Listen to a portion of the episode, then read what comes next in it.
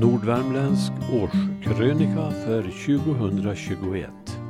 Publicerad i Nya Värmlandstidningen den 15 januari 2022. Året inleddes mitt i den andra vågen av den världsomfattande coronapandemin. Flera fall konstaterades i Värmland, även i de nordliga delarna. Den stängda Norgegränsen medförde stora påfrestningar för gränshandeln och i Långflon och Bograngen försvann nästan hela kundunderlaget. I årets början meddelades att Eurocash skulle köpa Långflons stormarknad och bli ny ägare den 1 februari. De anställda lovades fortsatt anställning. Restriktioner från båda sidor skapade förvirring men möjligheten att passera gränsen var under året starkt begränsad. Mot slutet av sommaren tillät norska myndigheterna svenskarna att åter åka in i landet under vissa förutsättningar. Allt tydde på en återgång till det normala med undantag för gränspassagerna i norra Värmland. Besvikelsen var stor. Efter hela denna långa avstängning hade man väntat sig större välvilja från norsk sida. Många anade att skälen var handelspolitiska. De återkommande ändringarna i restriktionerna ledde bland annat till att Bograngens lanthandel fick kvar ett berg med julskinkor som skulle ha sålts till norrmän. Värmlänningar från när och fjärran ställde solidariskt upp genom att äta lite extra skinka denna jul. Skolor införde under året perioder med hemundervisning. Inget var sig likt. En proffsig kampanj under rubriken Hej Nordvärmland inleddes den 14 februari med en helsidesannons i Dagens Nyheter och stor satsning på Facebook. Avsikten var främst att få läkare, tandläkare och präst till Nordvärmland. Varför dessa yrkesgrupper varit så svåra att locka till vår vackra bygd är svårt att förstå. Annonseringen fick berättigad uppmärksamhet men endast en av de utlysta tjänsterna besattes. En läkare kom till Likenäs vårdcentral men han försvann ganska snart. Närmaste tillgängliga tandläkare för köande nordvärmlänningar fanns i Forshaga och dit har jag och hustrun hänvisats för behandling under året. Bemötandet där har varit mycket trevligt och hänsyn har tagits till den långa resan. Avståndet är som från Karlstad till Arboga. Kliniken i Sysslebäck betjänas av tandläkare från Torsby ett par dagar i veckan och kön till dessa är minst två års lång. Kan det vara så att landets tandläkare är alltför upptagna med att montera in onaturligt kritvita tänder på alla som arbetar eller uppträder på TV? Så att de som verkligen behöver hjälp ute i landet blir utan. TV-folket tycks för övrigt tävla om vem som kan visa flest vita tänder ända till bakersta jäksla.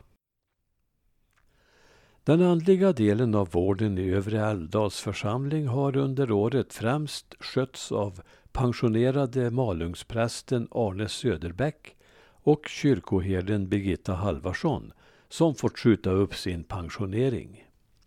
Församlingsborna ser nog gärna att det fortsätter men det kan ju också ha andra önskemål än att arbeta.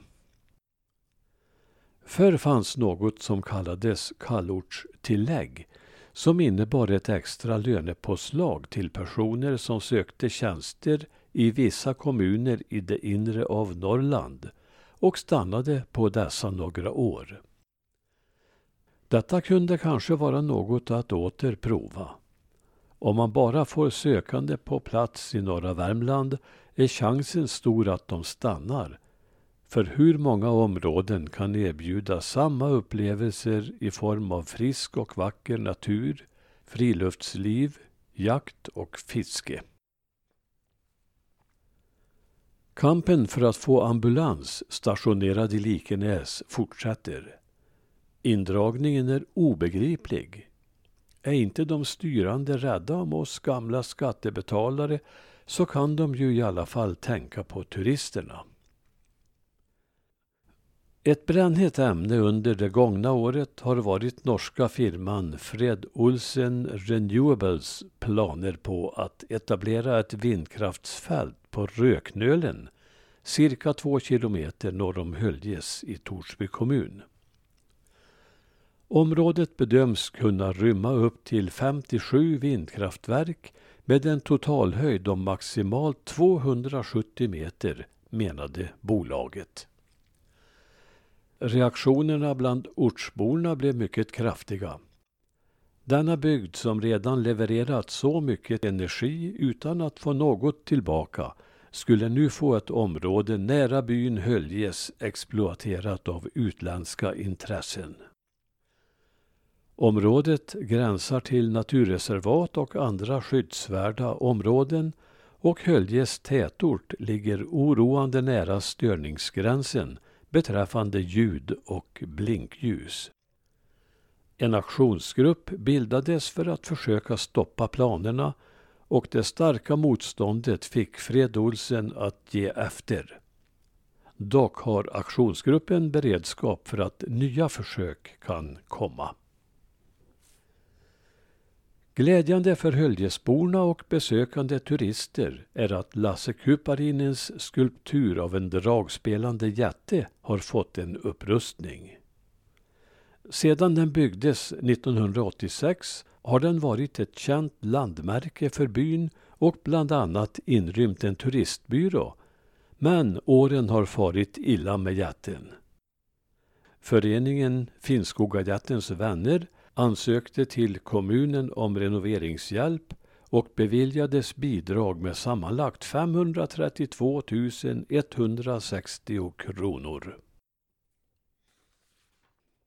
Den 16 januari avled Höljes välkände profil, lanthandlare Peter Larsson, Petter i Boa, nästan på dagen åtta år efter det att han slutade sin framgångsrika karriär som handlare. Med stort hjärta och stort engagemang för bygden satte han Norra Finnskoga på Sverigekartan. Femte och Kvarn försattes i konkurs i februari kort efter omstarten. Nils-Åke Jonsson med familj i Ambjörby har sedan tagit över kvarnen och skrädmjölsproduktionen lever vidare. Mycket efterlängtad kom Brannäsbolagets öppning av sommarsäsong efter många års satsning enbart på vinter och snö. Det rörde sig om servering, lift, cykelbanor samt paddelbana på toppen. Den 17 juli gick Råaloppet från Långberget till Brannästoppen i 27-gradig värme. Den 2 augusti kom det sorgliga beskedet att förre landshövdingen i Värmland, Kenneth Johansson, avlidit efter en tids sjukdom. Timmy Hansen vann Höljes VM-deltävling. 4 000 besökande var den fastställda maxgränsen under rådande restriktioner men överraskande nog såldes bara 2 500 biljetter. Torsby Martin kunde åter genomföras, dock med iakttagen försiktighet. Under helgen visades Smeja upp i sin nya härlighet. Den gamla smedjan hotades av rivning av ägaren Fortum men då ingrep P.A. Sjögren, lokalhistoriskt intresserad före detta Torsbybo. Genom ett idogt arbete och samordning av frivilliga krafter lyckades han få den gamla byggnaden i fint skick och det kunde åtskilliga marknadsgäster förvissa sig om. Den 4 oktober var det festligt på Nordvärmlands Livs i Ambjörby när Finnskoga FF fick ta emot Jämlikhetsfondens pris på 100 000 kronor för sitt arbete med att stärka landsbygden. Veckan runt månadsskiftet september-oktober var ovanligt regnig. Regnmätaren på tomten visade summa 160 millimeter. Torsby kommuns ungdomskulturstipendium utdelades till Linnea Olsson, Torsby och kulturstipendiet till Siv Alfredsson i Norra Ny. På Torsby bibliotek ställdes Bovils vackra julkort ut. Glädjande för många tätortsboende är en ny lag som har gett poliserna rätt att på plats bötfälla bilister som avsiktligt stör människor i deras hem genom att, främst nattetid, spela musik på extremt hög volym. Plågsamt måste det vara även för dem som sitter i bilarna, men vad offrar man inte för att följa trenderna?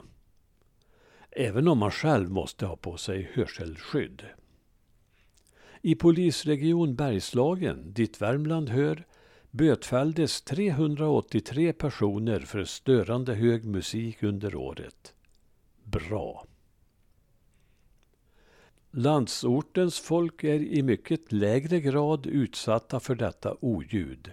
Men de får istället stå ut med att jakthundar kan tillåtas stå ute och skälla timmar i sträck. Utan böteshot. Som om det inte skulle räcka med pandemin avslutades året med en misslyckad tv-serie om Evert Taube. Sångerna framfördes på ett respektlöst och amatörmässigt sätt. Trots att landet har flera utmärkta tåbtolkare. En prövning för alla oss tåbälskare. 11 486 personer var skrivna i Torsby kommun den 30 juni 2021. Fler behövs. God fortsättning!